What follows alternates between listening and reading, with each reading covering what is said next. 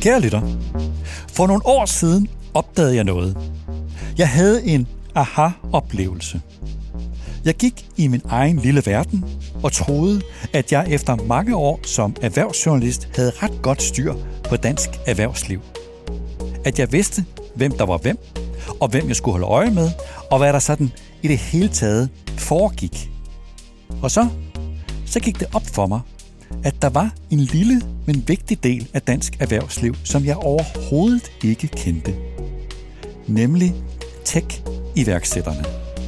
Den særlige del af iværksættermiljøet, som starter tech-virksomheder, og hvoraf nogle, langt fra alle, men nogle, lykkes med at skabe såkaldte unicorns. Virksomheder som TradeShift, Zendesk, Unity Technologies, Sitecore, Trustpilot, bare for at nævne nogle af dem. Det er nok en 7-8 år siden, og jeg begyndte at række ud til de mennesker og med at mødes med dem. Og jeg lærte en ny verden at kende. Tech-miljøet mødtes såkaldte town hall meetings, og ofte i en nedlagt lagerhal, hvor de sad på papkasser og holdt oplæg for hinanden. Og det var et meget anderledes miljø end det, som jeg var vant til. Det var kaotisk, det var diverst, det var ungt, det var globalt, og de mødtes ofte nogle ret specielle steder. Ved en lejlighed var jeg til møde i den grå hal på Christiania.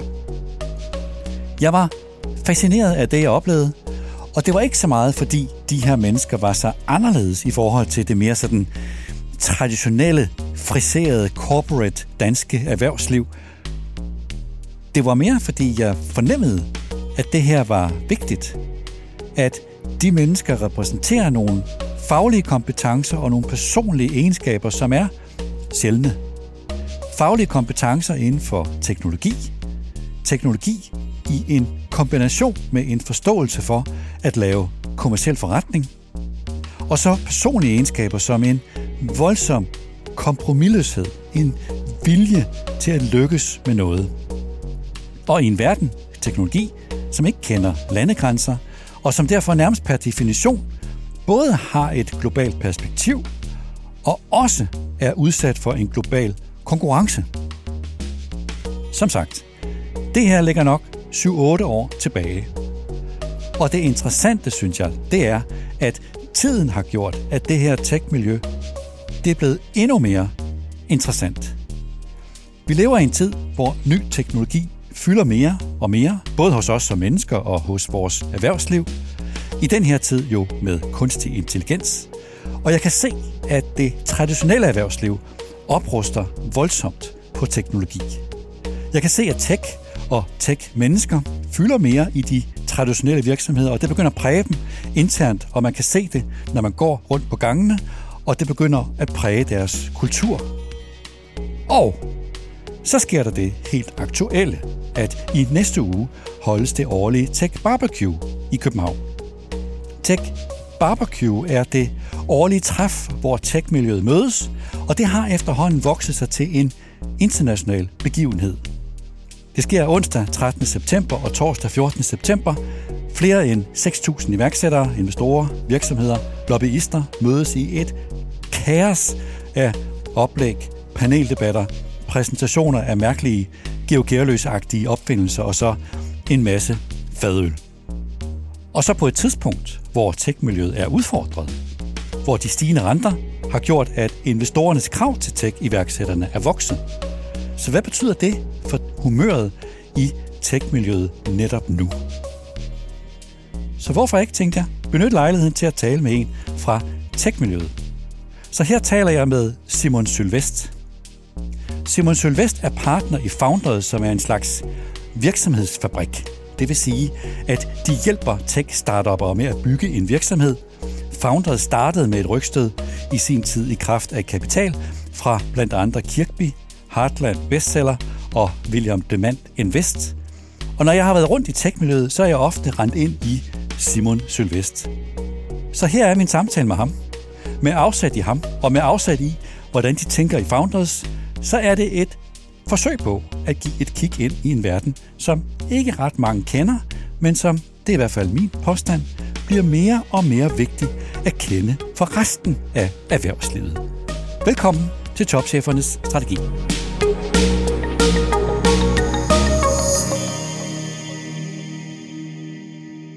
Simon Sylvest, velkommen.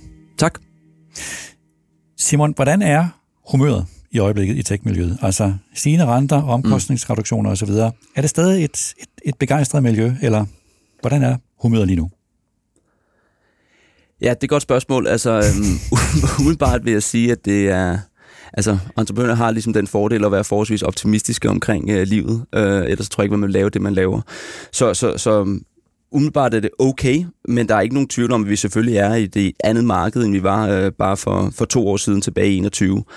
Øh, og det handler jo både i forhold, forhold til adgang til kapital, og i forhold til ja, virksomheder og forbrugers købekraft, øh, hvis man skal sige det sådan. Så der er mere modvind nu trods alt, end der har været i en overrække? Ja, altså, og det er der jo selvfølgelig også, altså det er der jo i mange industrier, det er der jo hele økonomien, øh, så det er jo selvfølgelig ikke anderledes for, øh, for, for venturebranchen, hvis man kan kalde den det.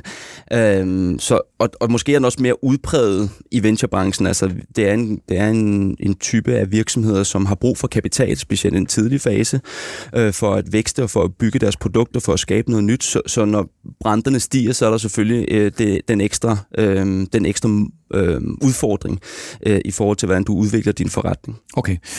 Simon, inden vi kommer til alt det, så lad os lige høre lidt mere om dig selv. Mm. Altså dels, øh, hvad er din baggrund, og hvad er Founders? Lad os starte med dig. Hvem er du, Simon? Ja, hvem er jeg? Ja. Øh, jamen altså sådan, øh, jeg er en mand på 38 år, øh, men udover det, så er min baggrund noget i retning af, at øh, jeg kommer ud af, af Handelsskolen, CBS, øh, i København. Jeg læste Applied Economics and Finance. Øh, jeg var så heldig allerede på min bachelor at få lov til at så at sige, løbe konsulenthorn af mig. Øh, havde tre år i Kvarts, den danske konsulentvirksomhed på det tidspunkt. Det er sådan, du har gået ind i banen. Præcis, præcis. Um, og, og det gjorde præcis, at jeg fandt ud af, at, øh, igennem den erfaring, jeg gjorde mig der, hvilket jeg er meget taknemmelig for, fandt ud af, at det, jeg rent faktisk havde mest lyst til, det var at starte min egen virksomhed.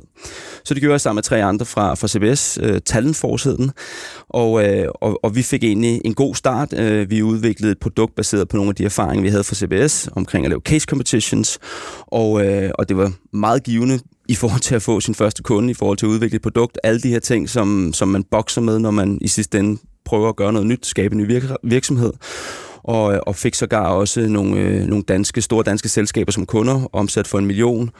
Og tingene var rent faktisk fine og gode, men, men vi valgte også at lukke ned i og med, at øh, vi havde forskellige ambitioner i forhold til, hvad folk ville videre i livet. Så det var din vej ind i tech-miljøet, ja. og, og det er jo allerede i hvert fald godt 10 år siden. Og så var du med til at starte Founders, det som jeg vil kalde en slags virksomhedsfabrik. Altså ja, jeg vil nok mere sige en virksomhed, som bygger virksomheder. Øh, fabrik øh, er ikke et ord, jeg som sådan... Jeg er, jeg er journalist. Ja, ja, præcis, ja. præcis, og det er helt fair. Øhm, ja, øh, tilbage i 2012, der i forbindelse med en, en ny virksomhed, jeg var i gang med at, at, at bygge op, øh, var jeg så heldig at løbe ind i Ulrik Trolle, en af mine partnere, og, øh, og, og, og baseret på, på den øh, kapital, øh, Ulrik og, og min anden partner, Peter, havde rejst fra, fra Kirkby, Hartland og VDI, jamen så startede vi op tilbage i 12. Øh, i, og VDI, det er William Demand Invest. William Demand Invest. Startede vi op med den her ambition omkring at, at finde en måde, hvorpå vi kunne investere i og bygge selskaber på en, på en lidt anderledes måde, end man måske havde set tidligere. Så det vil sige, det var en idé om at lave en, en virksomhed, som bygger andre virksomheder. Fornemmede du dengang, altså nu, nu, nu er vi jo bagklog, jeg er i hvert fald super bagklog, for jeg er journalist, jeg lever af at være bagklog. Fornemmede du dengang, altså det er så godt 10 år siden, at teknologi ville begynde at fylde mere, både i vores liv som privatmennesker og også i erhvervslivet, altså fra noget, som tidligere i mange år ligesom havde boet i en IT-afdeling et eller andet mm. sted, til nu at være øh, grundlæggende overalt, også i forretningsmodeller?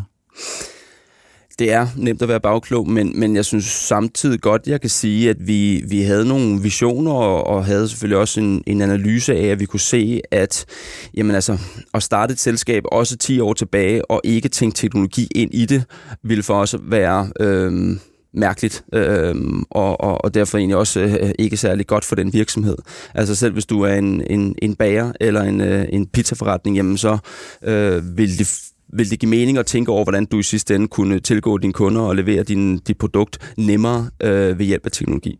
Ja, så i vores dage, uanset, og vi har jo også vores gazellevirksomheder, som, som jeg jo personligt er helt pjattet med, men ja. uanset om du starter en bæreforretning eller en vognvandsforretning, så indgår teknologi i vores dage i forretningen på den I, ene eller den anden måde. Det vil jeg ofte sige, det gør, og det er ikke fordi teknologien skal ligesom være over alt andet, men, men det gør sådan set, at du kan uh, levere dit produkt uh, eller din service endnu bedre, uh, typisk hvis du kombinerer det med en form for teknologi.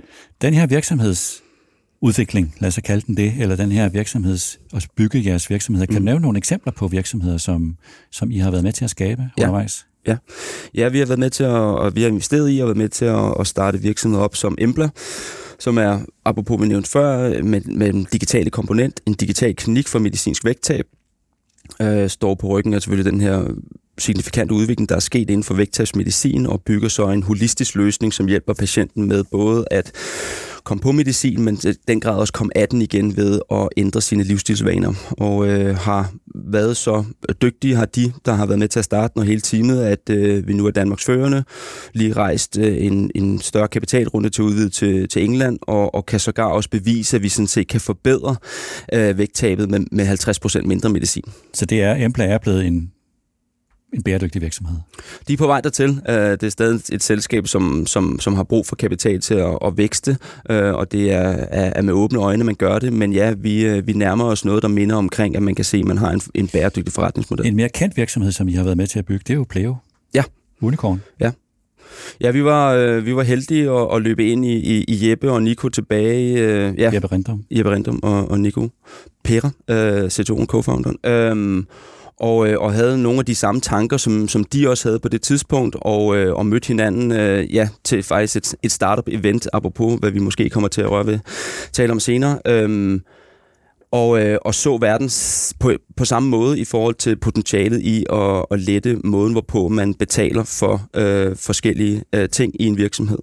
Og, øh, og ja, øh, fik lov til at investere i dem, og, og, og det er jo en meget imponerende øh, væksthistorie og rejse, de har været på. Andre eksempler? Jamen måske sådan øh, noget af det allertidligste, vi arbejder med i øjeblikket, er apropos også lidt måden, vi arbejder på, en, en inspiration fra, fra Embla øh, omkring at bygge en digital klinik til hovedpine, migræne, øh, er, en, er en virksomhed, vi blot øh, lige i en sommerferien har, øh, har investeret i og øh, har været med til at finde teamet, og, og nu øh, glæder os til at, øh, at videreudvikle det produkt og, øh, og bringe det ud til, til alle de mennesker, der lider af hovedpine og migræne. Når jeg ser jeres virksomhed, og også de andre tech-virksomheder, og når jeg i det hele taget ser tech-miljøet, så er jeg nogle gange, altså hvor, hvor, hvor tech-nørdet er man i jeres verden? Hvor dyb en tech-forståelse kræves det for at være med i det her tech-startup-miljø? Ja, det er et godt spørgsmål. Øhm, jamen altså, jeg tror, jeg vil starte med at sige, at vores fokus ikke ligger som sådan på at bygge teknologi for teknologiens skyld. Altså, det, det er vigtigt at sige. Øhm, det vigtigste for os, det er at løse problemer, øh, og derigennem skabe sunde og værdifulde virksomheder. Øhm, og det gør man jo i sidste ende bedst ved at finde ud af, jamen, hvad er det for et problem, som nok mennesker er interesseret i at få løst, og så finde måden, måden det, øh, man, kan, man kan gøre det på. Og det er så sådan, at det ofte kan lade sig gøre øh, ved brug af teknologi. Øh, og det er jo fordi teknologien kan bruges til at forbedre drift, brugeroplevelse, distribution osv. osv. Øh, så det er egentlig den måde, vi ser på det med at bruge teknologi. Så øh, I i identificerer et problem, som nogen har, ja. og så forsøger jeg at finde en løsning på det problem. Ja. Og det kan man det kræver ikke i sig selv en dyb tech-forståelse. Det gør det jo nok også, mm. men det kræver flere ting. Også mm. en kommersiel forståelse. Mm. I den grad, altså, det kommer selvfølgelig an på, hvad for en type virksomhed man vil bygge, men, men jeg vil helt klart mene, at det er mindst lige så vigtigt at have den her dybe industri-kundeforståelse i forhold til at finde en ny måde at gøre det her på, øh, finde en ny måde, hvorpå at du kan øh, opbygge en infrastruktur, som gør, at du kan levere dit produkt nemmere eller billigere. Øh, og, og ja, ja det, en af de kongstanker, vi har, det er utrolig vigtigt at tænke over den her sætning med, at altså, kunder køber ikke en teknologisk løsning, de køber en løsning på et problem. Øh, Øhm, og, det, øh, og det er farligt at falde i den her, hvor man forelsker sig i produktet, øh, uden rent faktisk at forholde sig til, om der er nogen, der vil have det. Ja, det vil jeg jo netop sige. Altså, hvis man er teknologisk begejstret, så er det i hvert fald en risiko, ja. at man kommer ned den vej, at man mm. forelsker sig i sit produkt, frem for at forstå, Og det er, og det er selvfølgelig også fordi, altså, vi, har, vi, vi tager ikke produktrisiko, og det er jo så den mm, type virksomheder, som vi øh, bedst forstår og kan lide at bygge. Altså, der er der selvfølgelig andre typer virksomheder inden for deep tech, som jeg i den grad øh, bifalder, fordi det er jo sidst også dem, der kan flytte øh, nogle, nogle, nogle signifikante elementer i forhold til, hvordan vi øh, lever på. Men det vil sige, I, er, I, I kommer ind i meget tidlig fase, før der er et produkt, før der er en kunde. Lige og det, vil sige, det er jo en meget søgende fase, præcis. hvor man må sige, det kræver ikke bare tech, det kræver også en, en kombination af, af forretningsforståelse og tech. I den grad, øh, og en forståelse for, for kunder og, og markeder, øh, forståelse for forretningsmodeller, øh, forståelse også for, for investorer, øh, i, og med, at, øh, i og med, at man bygger et teknologisk produkt, så tager det noget tid, før man sådan set kan, kan sælge det her produkt, og derfor er der en, en naturlig indbygget element, som er, at det kræver en eller anden form for kapital, øh, som man skal rejse for nogle investorer, og det skal man også have for øje, når man, øh, når man starter op, præcis som du siger, før der er et produkt, før der er et marked, øh, som, som vi har gjort de sidste 10 år. Når folk kommer til jer og mm. gerne vil være en del af jer, hvad mm. kigger I efter? Du sagde til mig på et tidspunkt, at hvis vi kan lide hvorfor og hvem, ja. så finder vi ud af hvad og hvordan. Det er, det, er, det er fuldstændig præcis sådan, øh, sådan, sådan, vi tænker, og det er måden, hvorpå vi, vi finder dem, der gerne vil arbejde med os, og forhåbentlig også den måde, dem, der gerne vil arbejde med os, finder os på. Altså, det, og det handler lidt omkring vores model og den måde, vi går til det her på. Øh, vi er yderst fokuseret. Øh, vi kigger udelukkende på, på fintech-forretninger og healthtech-forretninger. Det gør, at vi har tid til og, øh, og erfaring til at opbygge nogle overbevisninger omkring, hvad det er for nogle virksomheder, vi ønsker skal eksistere, hvad det er for nogle problemer, vi ønsker, der skal løses. Og derfor, når vi så møder folk, der, der tænker på samme måde, øh, enten fuldstændig en til en i forhold til en konkret idé, eller mere i forhold til et område, jamen så er det nemmere for os at, at sådan set være, være hurtige i beslutningen omkring, at vi har lyst til at bygge det sammen med dem. Så præcis, hvis vi er enige om, hvorfor vi vil gøre noget, og, og med hvem vi vil gøre det, jamen så tager vi risikoen sammen, så at sige, på at finde ud af, hvad vi vil bygge, og hvordan vi vil gøre det. Nu har vi talt om, at I altså har to præmisser i et meget fokuseret. I, I er så konkret fokuseret på sundhed og fintech, mm. og I er den anden præmis, det er, at I er udelukkende inde i den meget tidlige fase. Det, som I så hjælper de her iværksættere med, ja. det er tre ting. Og den første, det er tankegangen. Mm. Altså det her med, at at det, det jo må være en meget speciel tankegang, der skal til, når man er på den her meget, meget tidlige fase, hvor man ikke engang har et produkt, ikke engang har en kunde. Ja. Jeg er helt enig, og det er, det, er en, det er en tankegang, som er meget frustrerende, så at sige, fordi man, øh, man er lidt i, øh, i mørket, så at sige, og prøver at finde noget lys for at finde ud af, hvad for en vej man skal gå. Øh, og det kræver, øh, det kræver både øh, en tankegang, og så kræver det også nogle værktøjer, som vi skal komme ind på. Men altså, det handler om først og fremmest, at, for os at se, at lige præcis det, jeg nævnte før, om ikke ligesom at blive forelsket i sit produkt, men at blive forelsket i sine kunder, og, og hvad det er, de gerne vil have en, et, en, en løsning på. Og så er det at prøve at starte så småt som overhovedet muligt. Start med den mindst mulige del af dit produkt, den vision, du har for produktet, og så finde det, det mindst mulige marked egentlig også til det her, og så komme i gang der. Øh, det er også ligesom en, en, en udfordring, der kan være, og, og måske også en en misforstået tankegang, det her med, at vi skal finde store markeder. Ja, det skal vi også, men vi skal rent faktisk starte i det små, fordi at det er der, hvor at vi kan komme i gang, og hvor vi kan lære en masse, og vi så kan finde vej til de større markeder. Øhm, så man skal gøre ting, som ikke nødvendigvis er skalerbare til at starte med. Så man skal starte med i virkeligheden at være super fokuseret og tålmodig, og så målrette sig mod nogle, måske nogle meget få kunder, og så virkelig forstå dem. Man skal i hvert fald starte med at være fokuseret, og på at sige, tålmodigheden ved jeg ikke helt, om jeg kan være enig i, øh, fordi man skal i den grad være, øh, være hurtig i sin, i sin ageren, øh, fordi øh, selvom vi har gjort det her i mange gange, og selvom vi arbejder sammen med nogle meget, meget dygtige mennesker, som forstår øh, en industri eller en teknologi, eller hvad det nu er, så er der stadig, du er stadig i gang med at skabe noget nyt, du er stadig i gang med at løse et problem på en ny måde. Og det er der ikke nogen af os, der i sidste ende ved, hvordan vi gør. Øh, og det tror jeg også er vigtigt, at ligesom ikke at komme ind i et rum, og så tro, at man ved, hvordan det er. Øh, men, men i højere grad være hurtig til at teste forskellige muligheder af. Øh, og derfor handler det omkring hele tiden insistere på hurtigt at teste ting af, finde ud af, om det, om det klikker, så at sige, om der er et match mellem det tidlige produkt og det tidlige marked, øh, og, så, og så bevæge sig derfra. For mig lyder det som en helt, for mig lyder det som en helt utrolig frustrerende proces. Det er det også. Mange det, frustrationer. Det, det er det også, og derfor tror jeg også, at det er vigtigt, apropos mindset og tankegang, der er selvfølgelig også den del af det, som handler omkring at tale med, med, øh, med de dygtige mennesker, vi, øh, vi, vi er heldige at bygge virksomheder sammen med, omkring det her med at øh, fokusere på processen, og ikke nødvendigvis sådan være så attached til outcomet i første omgang. Øh, fordi at, at man vil ramme hovedet mod en mur mange gange, øh, og, øh, og man er i den tidlige fase, hvor der er ikke nogen, der rigtig øh, måske øh, tror på en, øh, eller kan se, hvad det er, man, øh, man tror kan lade sig gøre. Øh, og det er også derfor, det er svært, øh, og specielt også, hvis man så eventuelt kommer fra et, et job i en, i en større virksomhed, eller i en virksomhed med et velkendt brand, jamen så kommer man jo ud hos folk, og folk lytter til med det samme, og de tænker, at man har styr på det her ting.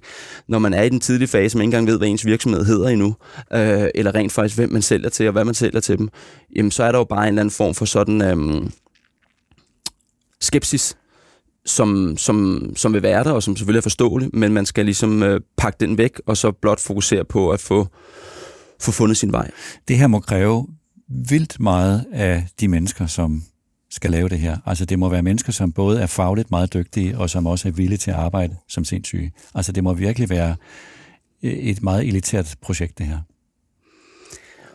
Elitær, det ved jeg ikke, men det er, der er ingen tvivl om, det er en øh, ekstrem sport af en eller anden grad, det her. Altså, det, det er det, øh, og det er også derfor, det ikke øh, lykkes for, for alle, øh, desværre. Øh, men, men, men ja, det er dygtige mennesker, det skal det være. Det er mennesker, som præcis er utålmodige, som øh, har en evne til hurtigt at omstille sig, lære hurtigt, øh, i og med, at man præcis ikke ved alting til at starte med, som har en, øh, en, en umiddelbarhed i forhold til at prøve nye ting af, lære sig selv nye værktøjer til at finde ud af, om, om det her kan hjælpe en til at komme videre derfra. Og så ikke mindst også nogle mennesker, som har en, øh, en tilgang til, at vi skal nok finde ud af det. Og det synes jeg faktisk er noget af det mest gennemgående, at, at nogle gange, når jeg måske er, er den, der er, kan være nervøs for en udvikling, jamen så er det rart, at øh, man kan sidde med en co-founder og sige, det finder vi ud af, Simon, det skal nok lykkes. Jeg talte for nogle år siden med David Helgerson, som du selvfølgelig kender, som var med til at stifte Unity øh, Technologies for cirka 20 år siden. Og han sagde til mig, at de boede i et kontorfællesskab ude på Nørrebro, i en lejlighed derude. Han sagde, vi gik simpelthen aldrig hjem. Vi gik fucking aldrig hjem, sagde Nej. han. Og det er, vel, det er vel derfor, du også siger, altså det er en ekstrem sport. Ja, jeg synes samtidig, at jeg vil passe på med de der sådan lidt... Øh, det er færre, hvis han har sagt det, så, så betyder det på ingen måde, men, men jeg synes også, vi skal passe på med ligesom det der og, og sætte det på den måde, at det kun er mennesker, som aldrig går hjem, som kan bygge succesfulde virksomheder. Øh, det er absolut ikke min opfattelse, og, og min opfattelse er egentlig snarere, at når du har noget erfaring på banen, som selvfølgelig også kommer med nogle år, hvor du måske ovenikøbet har en familie, som kræver en vis form for tid, jamen de mennesker øh, er mindst lige så dygtig medstift, øh, co-founder af, af selskaber, som, øh, som den øh, 25-årige øh, straight out of school, eller endda college dropout, som, som måske lidt var... Øh, var profilen for 10 år siden. Øh, altså, jeg vil egentlig hellere arbejde med en person, som virkelig har noget erfaring, øh, og som måske nogle gange bliver nødt til også at tage sig af både sin familie og, sin, øh, og sig selv, øh, end nødvendigvis arbejde med en person, der har mindre erfaring, men til gengæld kan arbejde øh, 16 timer i døgnet. Er det rigtigt, Simon? Eller er det fordi, det ligesom ligger i tiden, at man skal sige sådan nogle ting? Fordi hvis det er en ekstrem sport, mm. så vil jeg jo sige, så er man enten med, eller også er man ikke med i sådan et team.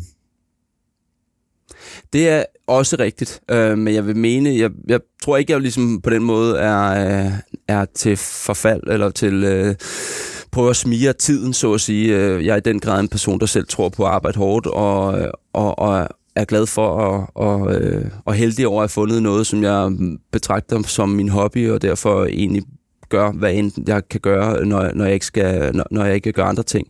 Men, men øh, men jeg mener, at, at øh, det her med også at have tid til at, at reflektere over ting, og jeg tror måske nogle gange også på det her stadie, det her med blot at eksekvere hovedløst, er ikke nødvendigvis den rigtige vej fremad. Det der med rent faktisk at have tid til at tænke sig lidt om og, og finde øh, den rigtige vej, er i den grad også øh, et element af at, at finde vejen i den helt tidlige fase. Så det var det første, I hjælper dem med, tankegangen. Mm. Det andet, det er værktøjer. Mm.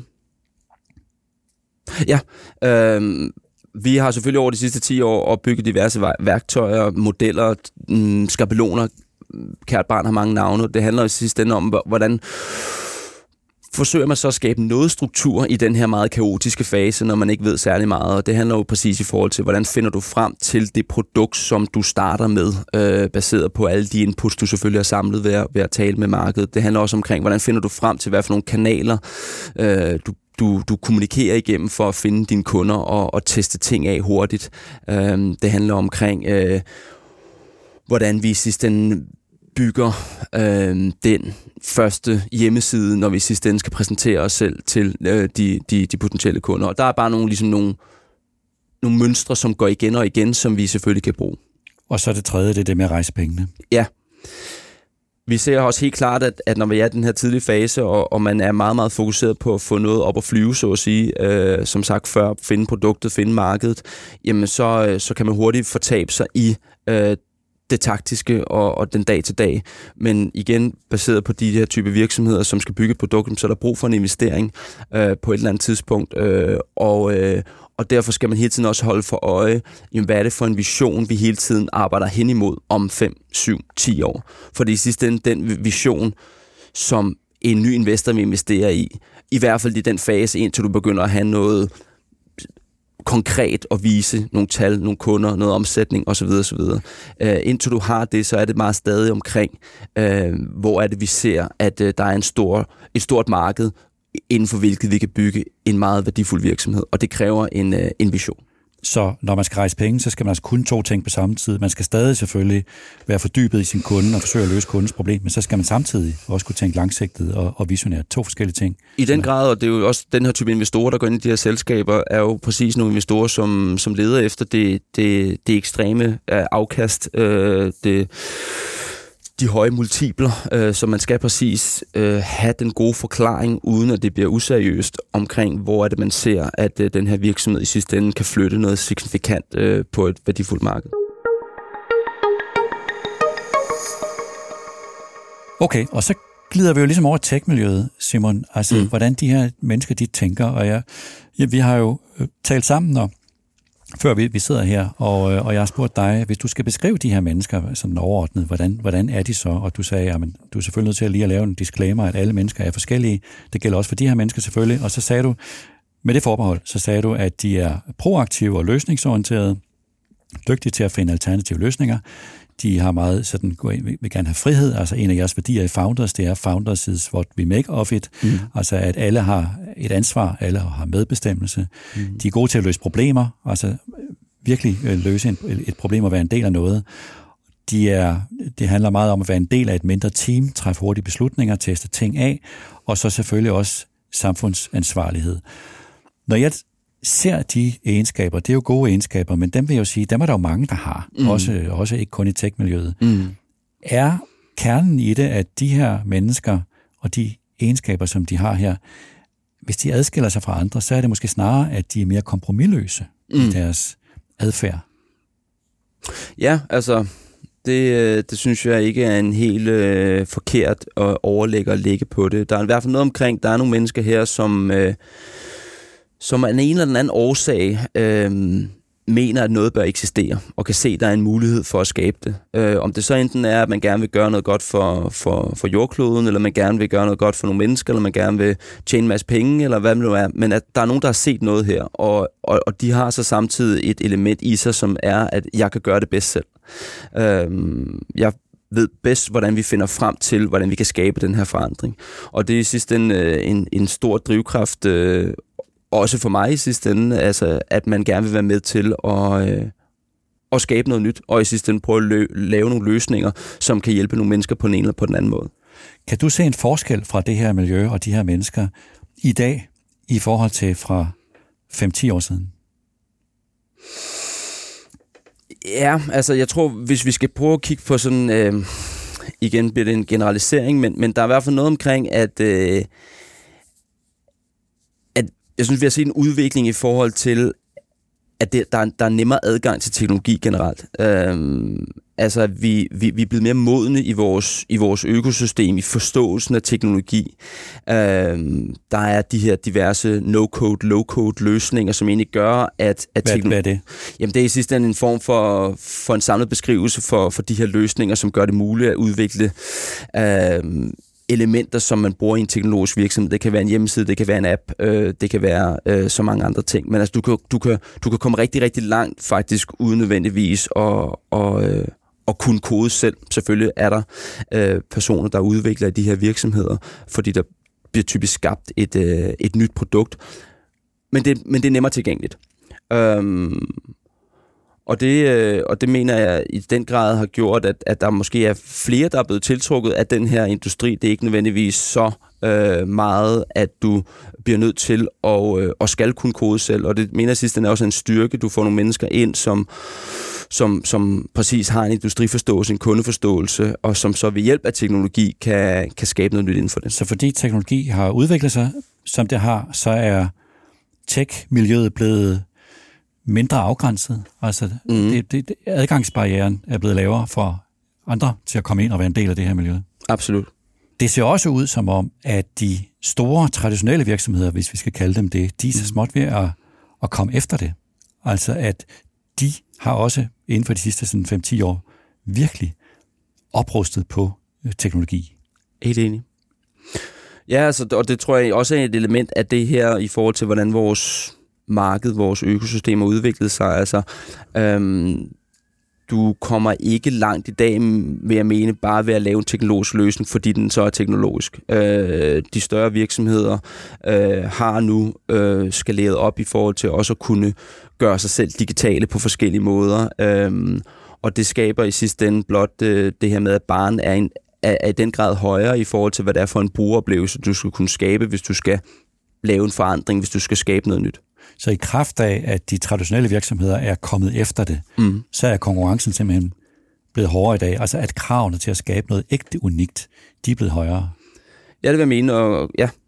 Jeg havde et eksempel her, jeg har også tidligere nævnt det her i podcasten, at for nogle år siden, så talte jeg med Søren Skov, som dengang var topchef i AP Møller Mærsk, og han fortalte mig en historie, nemlig at hos Mærsk havde de i mange år bare jo haft set, set på IT som, som noget, som det var bare en afdeling, og til sidst havde de ovenikøbet outsourcet det og solgt det hele til, mm. til IBM. Mm. Fordi, som han sagde, så kunne de ligesom tage sig af, af, så kunne de ligesom tage sig af forretningen, og så kunne andre håndtere IT for dem.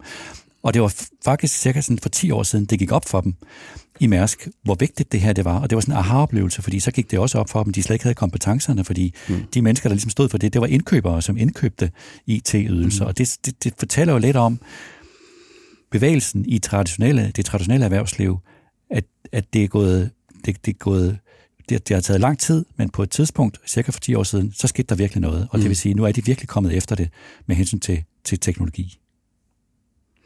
Ja, og, og, og, og jeg tror præcis også, at den, øh, den historie fører hen i det, vi taler om, at, at hvis hvis du så samtidig går ud og vil forsøge at øh, revolutionere øh, transportbranchen, øh, shippingbranchen, hvad det nu end kan være, jamen så er der altså nu et, et, et, et, et stort selskab, meget etableret, som, som har forstået, hvordan du gør brug af de fordele, som teknologi i sidste ende kan skabe. Så det er noget andet, der skal også til. Teknologi er helt klart stadig et, et, et centralt element, og der er en der er, en, der er en vigtig forståelse i, hvordan du bruger det, men der er mindst lige så stor en forståelse i, hvordan den her industri hænger sammen, og hvor der eventuelt er nogle områder, som kan gøres øh, bedre eller smartere ved hjælp af en bedre brugeroplevelse, en anden måde at strukturere på, sig på, osv. osv. Nu har jeg jo tit været med, Simon, også til, når I holder town hall meetings, også uh, Tech Barbecue, ja. og jeg er meget, må jeg bare være inde, jeg må blankt indrømme, jeg er meget fascineret af det, altså det jeg møder. Det er jo virkelig øh, sjove mennesker, der sidder på papkasser ude i Sydhavnen og lytter til hinanden.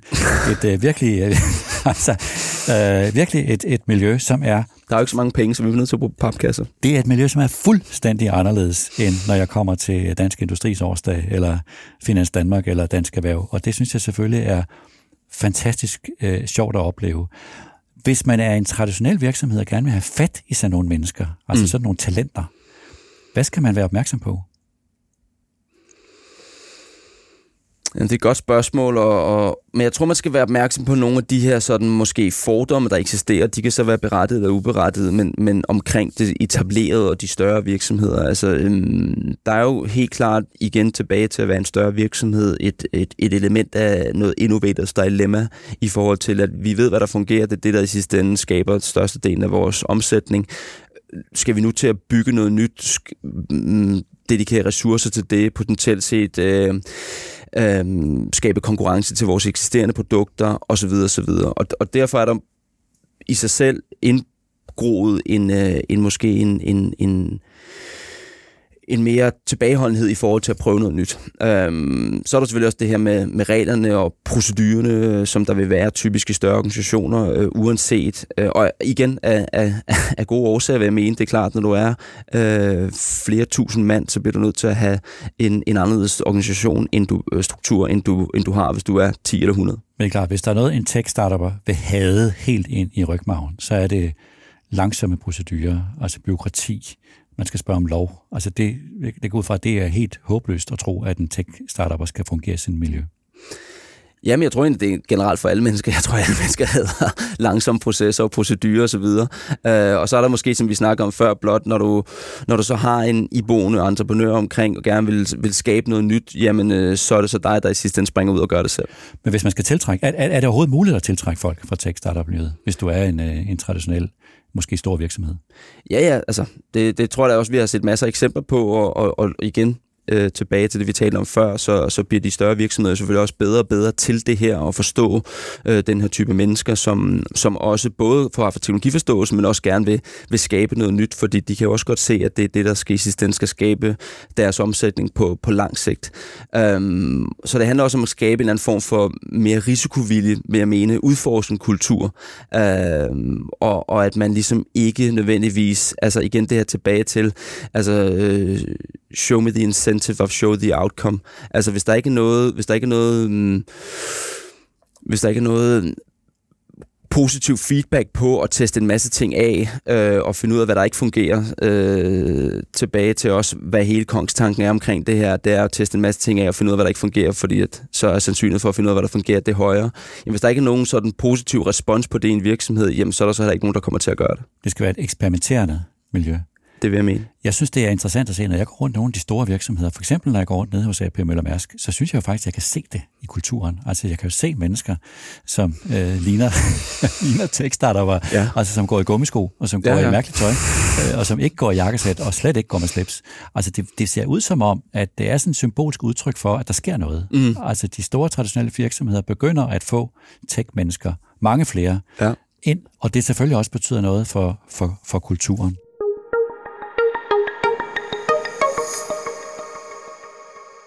Simon, vi skal også lige nå at tale om kunstig intelligens. Altså med det blik, du har mm. fra tech-startup-miljøet på kunstig intelligens. Mm. Hvordan ser du det? Altså mm. alle famler, alle, alle er enige om, at det her, det, det her det bliver vigtigt, mm. men alle famler, hvordan det kommer til at spille ud. Hvad er dit, hvad er dit bud på det? Jamen, jeg, vil ikke, jeg vil ikke udfordre, at det er, at det er en signifikant uh, udvikling, vi har gået igennem, og samtidig så tror jeg selvfølgelig, at, uh, at, at der er nuancer i det her. Altså det, der er ingen tvivl om, det er et form for platformskifte her. Altså, vi havde internettet, og så havde vi sidst også mobiludviklingen, øh, som har skabt øh, nogle af de største selskaber i verden i dag. Så det er på det niveau, altså forandringsmæssigt? Ja, det vil jeg mene, men jeg tror stadig, vi skal være opmærksom på her, at jeg ser, AI, jeg, jeg ser i hvert fald AI og enabler forløbet øh, i højere grad som en enabler. Der vil komme nye forretninger ud af det her. Der er ingen tvivl om, at de vil kunne øh, udfordre eksisterende industrier, men jeg ser i højere grad rent faktisk, at, at AI og LLM, øh, Large Language Models, øh, kan være måder, hvorpå at faktisk etablerede større selskaber kan optimere deres måde at drive forretning på. Øh, det er jo det her med, at altså, en AI-model eller LLM-model kræver data, og jo bedre data, jo bedre fungerer de her modeller. Hvem har mest data? Det har de større etablerede selskaber. Så jeg tror i høj grad, det er den her proprietære, meget nuancerede data, det er dem, der har det, som bedst kan udnytte AI og LLM til dels. Det vil sige, du ser ikke for dig, at der opstår sådan helt nye forretningsmodeller, men du ser mere for dig, at eksisterende forretningsmodeller, ikke mindst i de traditionelle virksomheder, bliver bedre som følger det her.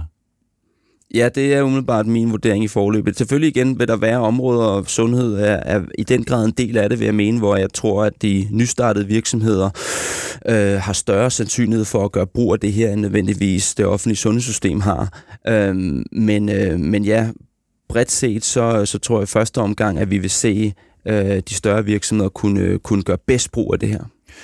Ser du for dig, at det her, for eksempel i, i større eller traditionelle virksomheder, at det her kunstig intelligens, det vil kræve nye kompetencer, som de slet ikke har i dag? Mm. jeg ved ikke om nye kompetencer, det er klart, du bliver nødt til at have nogle mennesker, som, som forstår sig på øh, de her algoritmer, som de her modeller i sidste ende bliver gjort op af. Øh, men samtidig ser vi jo også uh, OpenAI og så videre, så videre, som, som er spillere, som skaber de her modeller, som du i sidste ende så skal købe dig adgang til, og så bruge med den data, du nu engang har. Så, så, så kompetencer, ja, men, men mere justeret, øh, altså, og så have mennesker, der kan justere de her, de her løsninger, du kan købe øh, fra hylden, så at sige, til din forretning. Men betyder det her i virkeligheden, altså fordi alle nu har adgang til de her modeller, mm. at folk, der ikke har tech-forståelse, også kan være med? Altså at tech begynder at blive en, en commodity? Ja, altså det, der mener vi på vej derhen af i hvert fald den form for tech, som vi snakker om nu. Vi snakker ikke om deep tech, øh, hvor der er en stor produktrisiko, men, men det her med at, at bruge øh, den her form for teknologi øh, øh, er, er, er på vej dertil. Altså det at der er flere og flere af de her low-code, no-code løsninger, øh, og det er jo også positivt nok, for det gør sådan set også, at du kan drive din, øh, din, din teknologiske del af din forretning mere effektivt. Øhm, og det handler i højere grad, det kan man sige, det er jo så også en form for teknisk forståelse, men det handler om så, hvordan stykker du bedst de forskellige løsninger sammen til at, øh, at, at bruges i din virksomhed. Øh, og så selvfølgelig hele tiden være opmærksom på, at du også skal skabe en eller anden form for øh, konkurrencemæssig fordel eller en beskyttet øh, element omkring det produkt, du nu i gang udvikler. Men du kan i hvert fald starte med at bruge allerede eksisterende løsninger i, i, i højere grad, end du, end du kunne øh, bare for fem år siden. Og så er vi tilbage ved Års til Barbecue, hvor vi jo talte sammen sidste år, og som, som jeg nævnte i, i indledningen, så var du vældig, vældig rolig øh, sidste år. Ikke så bekymret, som flere af de investorer, jeg talte med, de var. Og du nævnte også, at humøret er selvfølgelig et andet nu. Hvordan ser du på det, når vi kommer ud på Tech Barbecue i år? Mm. Hvordan forventer du, at, at stemningen er nu, og hvordan ser du på det? Jeg tror egentlig, jeg kan allerede mærke nu her, at øh, kvæg de mennesker, jeg taler med inden for miljøet, også uden for Danmarks grænser, sådan set valgfarter hertil, og der kommer til at være en, en, en, en endnu mere øh, til øh, højere grad tilstedeværelse fra interna- internationale investorer og, øh, og ikke mindst også øh, tech-virksomheder. Så, så igen, jeg føler egentlig, at, øh, at vi, øh, vi fortsætter. Øh, vi er selvfølgelig ikke naive eller... Øh, eller urealistisk omkring, at vi er i en ny situation. Øh, men jeg mener i sidste ende også, at det er en, en, øh, en, en udmærket øh, udvikling, der har været. Øh, vi skal være mere opmærksom på, at vi skal bygge virksomheder, som i sidste ende øh, selvfølgelig kan vækste. Det er en del af den øh, forretning, vi bygger, men samtidig selvfølgelig også skal holde for øje, hvornår er det, vi rammer profitabilitet og, og vækste på en sund måde. Øh, og det tror jeg i sidste ende kommer til at være overskriften i, i, i nogle år fremover øh, inden, for, inden for det, vi bygger. Men jeg ser ikke som sådan, at, at teknologi på nogen måde øh, er blevet mindre relevant. Øh, apropos også vores snak om AI eller LLM før, der er sådan set i den grad fortsat øh, en stor tro på, hvad det er, teknologi kan gøre, øh, for at vi kan bygge bedre øh, løsninger for kunder og derved bedre forretninger. Så den situation, vi er i nu, hvor højere renter har betydet, at penge, der er trods alt nu en, en pris på penge, alt kan ikke længere lade sig gøre. Det er i virkeligheden måske en, en, en, en rimelig sådan sund øh, tilpasning. Det vil jeg mene. Har, betyder det, at investorerne har en kort tidshorisont nu? Altså at, at, at det, som det så faktisk betyder, fordi der er jo stadigvæk masser af penge derude, mm. forstår jeg, mm. men at deres tidshorisont nu bliver kortere, hvor de tidligere, der, der kunne man jo overbevise investorer om, at der vil komme et afkast om lang tid? Jamen, jeg tror ikke, tidshorisonten ændrer sig ikke som sådan. Altså, vi har fortsat øh, de her VC-fonde, øh, som, som i sidste ende er struktureret, som de nu engang er, og de har en løbetid på de her 10-12 år, og de søger fortsat et afkast øh, inden, for, inden for den tidsperiode. Så jeg tror ikke som sådan, øh, ja, tidshorisonten ændrer sig. Det, der ændrer sig, er, hvor effektiv kan man være med den pose penge, man nu engang øh, formår at rejse til at udvikle sit produkt, øh, i og med, at øh, jamen, hvis du skal bruge flere penge, jamen, så kommer du til at blive udvandet for meget, så at sige, og, og derfor er det ikke medstifterne, der er ejer, der ejer selskabet. Så, så det handler mere omkring, hvordan kan vi være mere effektive for de penge, vi, vi, øh, vi rejser, og, øh, og derved øh, ja, fortsætte med at udvikle øh, den her nye øh, innovation. Og en startup kan godt tænke i at være effektiv. Det vil jeg jo jeg ville have, have forventet, at en startup har masser af andre ting at tænke på end, end effektivitet, men det kan man godt.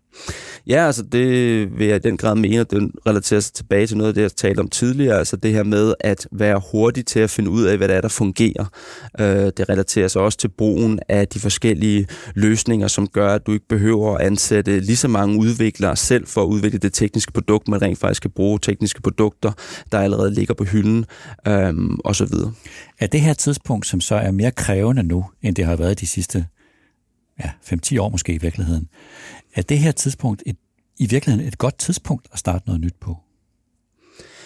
Ja, det vil jeg sådan set. Nu er jeg måske også selv øh, præget af at være et forholdsvis optimistisk øh, menneske, men øh, så, så man skal jo aldrig lade en, øh, lade en krise øh, gå forbi, eller hvad man kalder det, hvad man siger. Øh, men, men jeg mener også sådan set, at, at man måske tidligere kunne have risikeret, at øh, det var for nemt at rejse penge, og man derfor brugte tid, som jo i sidste ende er den mest knappe ressource, vi alle sammen har, på noget, der ikke fungerer. Øh, og man fik en falsk øh, tryghed i, at men nu har man jo rejst penge, øh, så derfor øh, er jeg jo selvfølgelig på vej i den rigtige retning. Det er sjældent sådan, det er. Øh, mange af VC-investorers investeringer går tabt, øh, så, så du kan absolut ikke være sikker på, bare fordi du rejser penge, at du så er på vej den rette vej. Men i dag er det så mere svært at rejse de penge, så der vil bare foretaget langt større grad af det, man kalder due diligence, i forhold til at forstå, hvorvidt at der rent faktisk er noget i det her.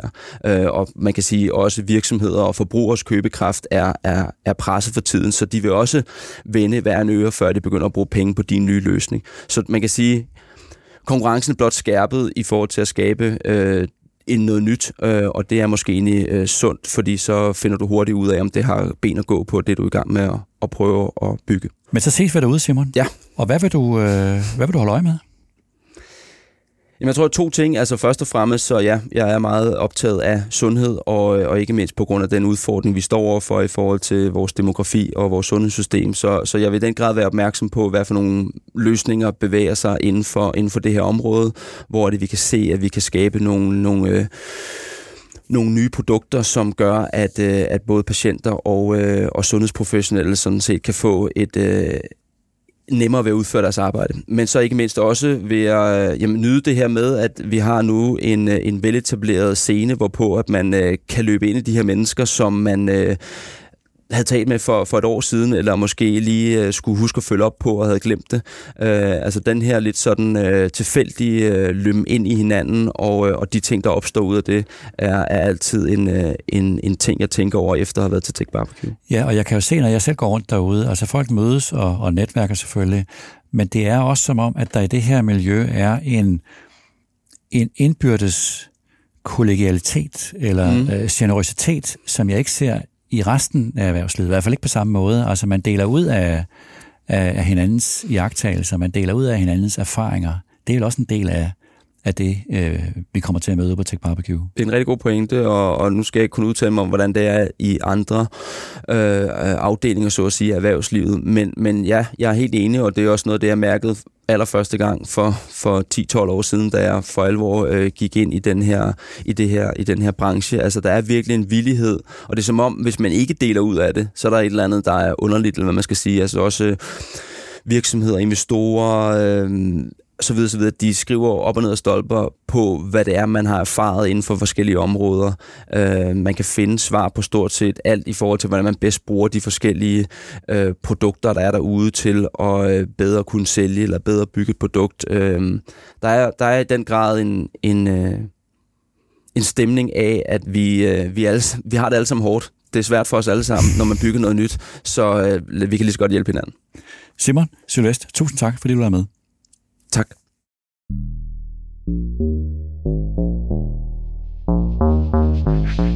Det var denne udgave af Topchefernes Strategi. Et forsøg på at blive klogere på tech-miljøet. En lille, men vigtig del af dansk erhvervsliv. Jeg gjorde mig fem iagttagelser fra min samtale med Simon Sylvest. For det første, at tech-miljøet måske ikke er helt så nørdet, som jeg gik og troede. Jeg har tidligere kaldt Tech Barbecue for nørdernes fest. At man snarere skal se sådan på det, at det i virkeligheden mere handler om at identificere et problem, som nogle mennesker har, og så om at forsøge at løse det problem. at forstå, at kunder køber ikke et teknologisk produkt, de køber en løsning på et problem. Og det er derfor, at hvorfor og hvem, det er vigtigere end hvad og hvordan. For det andet, så taler Simon Sylvest om, at det er en ekstrem sport at bygge en tech-virksomhed. Jeg lagde mærke til, at da jeg udfordrede ham på det med arbejdstiden, hvor meget man er nødt til at arbejde, når man er et team, der skal skabe et gennembrud, så holdt han fast i, at der skal være tid til at tage sig af sin familie og af sig selv. Han sagde også, at det kan være værdifuldt at have tid til at tænke over det, man er i gang med. Jeg har ingen grund til at betvivle det, som Simon Sylvest siger, så jeg vil bare nøjes med at sige, at jeg er overrasket over det. Jeg vil have forventet det, som jeg fiskede efter, at hvis man forsøger at skabe en tech-startup, så går man all in og offrer næsten alt andet, alene fordi man er i en global konkurrence. Måske er det et udtryk for aldersforskellen mellem Simon Sylvester og mig. Jeg er 60 år, jeg er mere end 20 år ældre end ham, og jeg er helt med på, at det er ham og hans generation, der sætter dagsordenen nu. Og det vil da glæde mig, hvis det er ham, der har ret, at det er muligt at dyrke det, som han kalder en ekstremsport, og at have et næsten almindeligt liv ved siden af.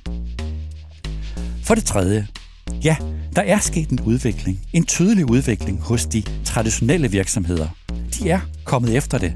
De har rustet op, og de ruster stadig op på teknologi. Sådan som jeg nævnte med eksemplet med Mærsk.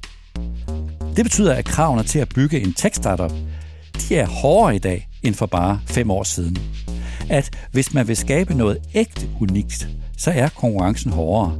At hvis man virkelig vil tilbyde noget revolutionerende nyt til en branche, så kræver det oven i alt det andet også en dyb kommersiel forståelse af den pågældende branche. For det fjerde, at det er muligt for traditionelle virksomheder at tiltrække de her mennesker, at tiltrække talenter, som har arbejdet i et tech-startup-miljø. Men også, at det kræver helt ultimativt, at man er i stand til at skabe en eksperimenterende kultur, som de kan trives i. Og for det femte, det er i hvert fald Simon Sylvest vurdering, at kunstig intelligens den vil blive et skifte på niveau med internettet og iPhone. Men at den vil blive det, som han kalder en enabler, at den i mindre grad vil betyde, at nye forretningsmodeller vil opstå, men at den snarere vil betyde, at allerede eksisterende etablerede virksomheder kan optimere deres måde at lave forretning på. Måske det er min tolkning, så vil kunstig intelligens nærmest kunne blive en slags konkurrencefordel for de etablerede virksomheder over for tech-iværksætterne, fordi de etablerede virksomheder har ressourcerne, kunderne, kanalerne, markederne til at udnytte kunstig intelligens. Og det, synes jeg, åbner i øvrigt for et andet og interessant spørgsmål, om tech er på vej til at blive en slags commodity, at vi for eksempel i fremtiden kan lade en chat-GPT klare arbejdet med at lave en kode. At fremtiden ikke kun vil efterspørge mennesker med en tech-faglighed, men også mennesker, der har evnen til at forankre en tech-løsning i en kommersiel forretning. Og så, som det sidste, at det pres, som de højere renter har lagt på tech og på investorerne, at det måske i virkeligheden er sundt at ja, det er hårdere at starte op nu end for bare nogle få år siden, men at det i virkeligheden betyder, at man får testet sin virksomhed og sin idé og dens bæredygtighed tidligere, og at det er en god ting. Tak til Simon Vest, partner i Founders. Tak til Peter Emil Witt, der redigerede optagelsen, og tak til dig, der lyttede med.